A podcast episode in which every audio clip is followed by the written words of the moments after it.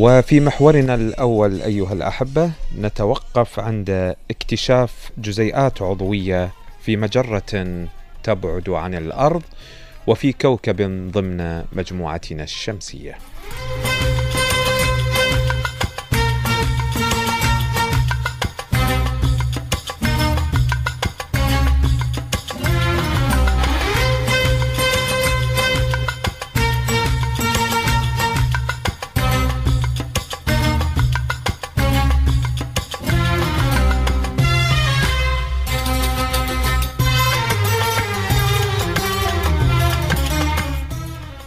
إذ توصل العلماء إلى اكتشاف مذهل في عالم الفلك.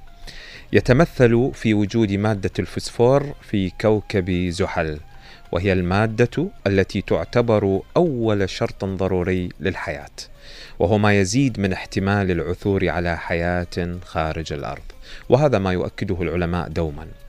طبعا حصل البحث المستمر منذ زمن بعيد عن حياة خارج كوكب الأرض على جرعة دعم كبيرة بسبب هذا الاكتشاف إذ عثر على الفسفور وهو عنصر أساسي للحياة في محيط تحت السطح الجليدي لإنسيلادوس. إنسيلادوس هو أحد أقمار كوكب زحل. هذا الاكتشاف الذي حصل بناء على دراسة بيانات جمعها مسبار كاسيني التابع لوكالة الفضاء الأمريكية ناسا. طبعا آه، تكمن أهمية هذا الاكتشاف آه، في آه، في عنصر الفسفور. لماذا؟ لأن عنصر الفسفور يستخدمه الدي إن اي في تكوين الكائنات الحية. هكذا يعني يشير العلم. لذلك يقول كريستوفر جلين من معهد ساوث ويست للأبحاث آه هذا اكتشاف مذهل في مجال علم الأحياء الفلكية. آه ويقول أيضا وجدنا فسفورا وفيرا في عينات أعمدة الجليد المقذوفة من المحيط في هذا الكوكب. الأساس طبعا الفسفور هو عنصر أساسي في الحمض النووي ال DNA وبالار إن اي موجود أيضا في العظام والأسنان وموجود في كل الحيوانات بل موجود حتى في عوالق المحيطات. العوالق هذه الكائنات الحية اللي موجودة بالمحيط والتي تتغذى عليها الكثير من الأسماك. وفي الواقع لا يمكن للحياة أن تكون موجودة من دون الفسفور. طبعا والفسفور موجود في الكثير من الأغذية التي نتناولها آه يعني موجود في الخضروات بشكل كبير جدا. وموجود كذلك في بعض المشتقات آه الحليب أيضا يتوافر فيها الفسفور. الفسفور عنصر أساسي للكائنات الحية يدخل في تركيب الأسنان والعظام وفي تركيب الخلية الحية. إذ يعتمد عليه الدي ان اي في تكوين الكائن الحي. هاي النقطة الأساسية. لذلك وجود عنصر الفسفور في كوكب زحل وبالتحديد في أحد الكواكب الأقمار عفوا التابعة إلى زحل حسب اكتشاف ناسا وكالة الفضاء الأمريكية نحن أمام إذن آه، يعني عنصر أساسي مادة عضوية آه، تدخل في تكوين الكائنات الحية مع وجود هذا العنصر من الممكن أن تكون هنالك حياة آه، خارج كوكب الأرض وبسهولة طبعا. كذلك اكتشاف جديد يضاف إلى الاكتشافات الخاصة بعلم الأحياء الفلكية وهو جزيئات عضوية معقدة في مجرة تبعد عن الأرض أكثر من 12 مليار سنة ضوئية. لنستمع أكثر بصوت لبنى الفضل. اكتشف باحث جزيئات عضوية معقدة في مجرة تبعد عن الأرض أكثر من 12 مليار سنة ضوئية ووفق دراسة نشرتها دورية نيتشر العلمية. أصبحت هذه المجرة الأبعد التي يعثر فيها على مركبات عضوية حتى الآن. وتبعد المجرة عن حدث الانفجار الكبير بأقل من واحد ونصف مليار عام.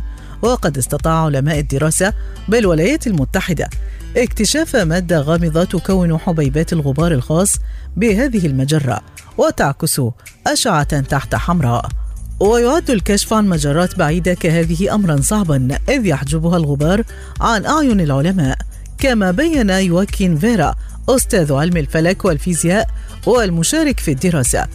ويضيف فيرا تمتص حبيبات الغبار نحو نصف الإشعاع النجمي المنتج في الكون وتعيد إشعاعه مرة أخرى مما يجعل الأشعة تحت الحمراء القادمة من الأجسام البعيدة باهتة جدا أو غير قابلة للاكتشاف بواسطة التلسكوبات الأرضية. وفي الدراسة الجديدة استفاد العلماء مما يسمونه عدسة التكبير الطبيعية أو ما يعرف باسم عدسة الجاذبية. وعدسة الجاذبية هي ظاهرة في الفيزياء تحدث عندما يكون هناك تجانس تقريبي بين مواقع المراقبة الأرضي وبين مصدر ضوء بعيد مثل مجرة بعيدة إذ يحدث تحريف وتكبير للضوء القادم من المصدر البعيد. بفضل تأثير الجاذبية الناتج عن وجود كتلة ضخمة مثل مجرة أخرى قريبة بين ذاك المصدر البعيد وبين موقع المراقبة. هذا التأثير يجعل الضوء القادم من المجرة البعيدة ينحني ويكبر مما يشكل حلقة حول المجرة القريبة تسمى حلقة أينشتاين وتساعد عدسة الجاذبية تلك على تكبير وتحسين رؤيتنا للأجسام البعيدة وتوفر لنا معلومات قيمة عن الكون. ويشير مسؤول الدراسة وعالم الفلك في جامعة تكساس جاستن سبيلكر أن هذه الجزيئات العضوية الكبيرة شائعة جدا في الفضاء. وقد كان الفلكيون يعتقدون في الماضي أنها دليل جيد على تشكل نجوم جديدة. ففي أي مكان ترى هذه الجزيئات ستجد نجوما صغيرة تتألق أيضا في ذلك المكان. ويشير غبار المجرة إلى المعدل العالي لتكوين النجوم فيها وهو ما لا يعد مفاجأة نظرا للفترة المبكرة التي تواجدت فيها هذه المجرة من عمر الكون. ويعد هذا أبعد اكتشاف حتى الآن لجزيئات عطرية معقدة وعلى الرغم من أننا لا نعرف السبب في التوزيع غير المتجانس للهيدروكربونات العطرية. متعددة الحلقات في تلك المجرة. إلا أنه يبشر بدراسات مستقبلية مثيرة حول تطور المجرات في بداية الكون.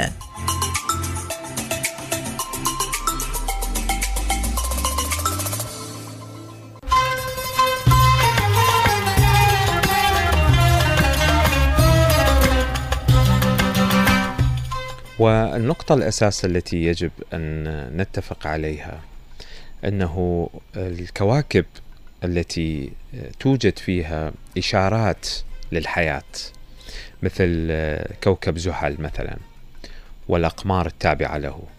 وجود عنصر الفسفور لوحده غير كافي لتكوين الحياة هو صحيح أساسي في تكوين الحياة اللي هو كوكب إنسيلادوس اللي هو أحد أقمار كوكب زحل.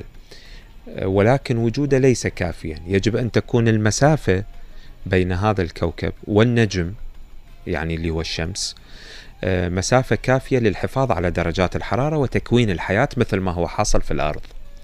فلذلك في مجموعات نجمية شمسية في مجرات أخرى من الممكن أن تكون بعض الكواكب بمسافة جيدة من النجم وفيها عنصر الفسفور وبالنتيجة احتمالية وجود الحياة في مجرات أخرى احتمالية قائمة وبنسبة 100%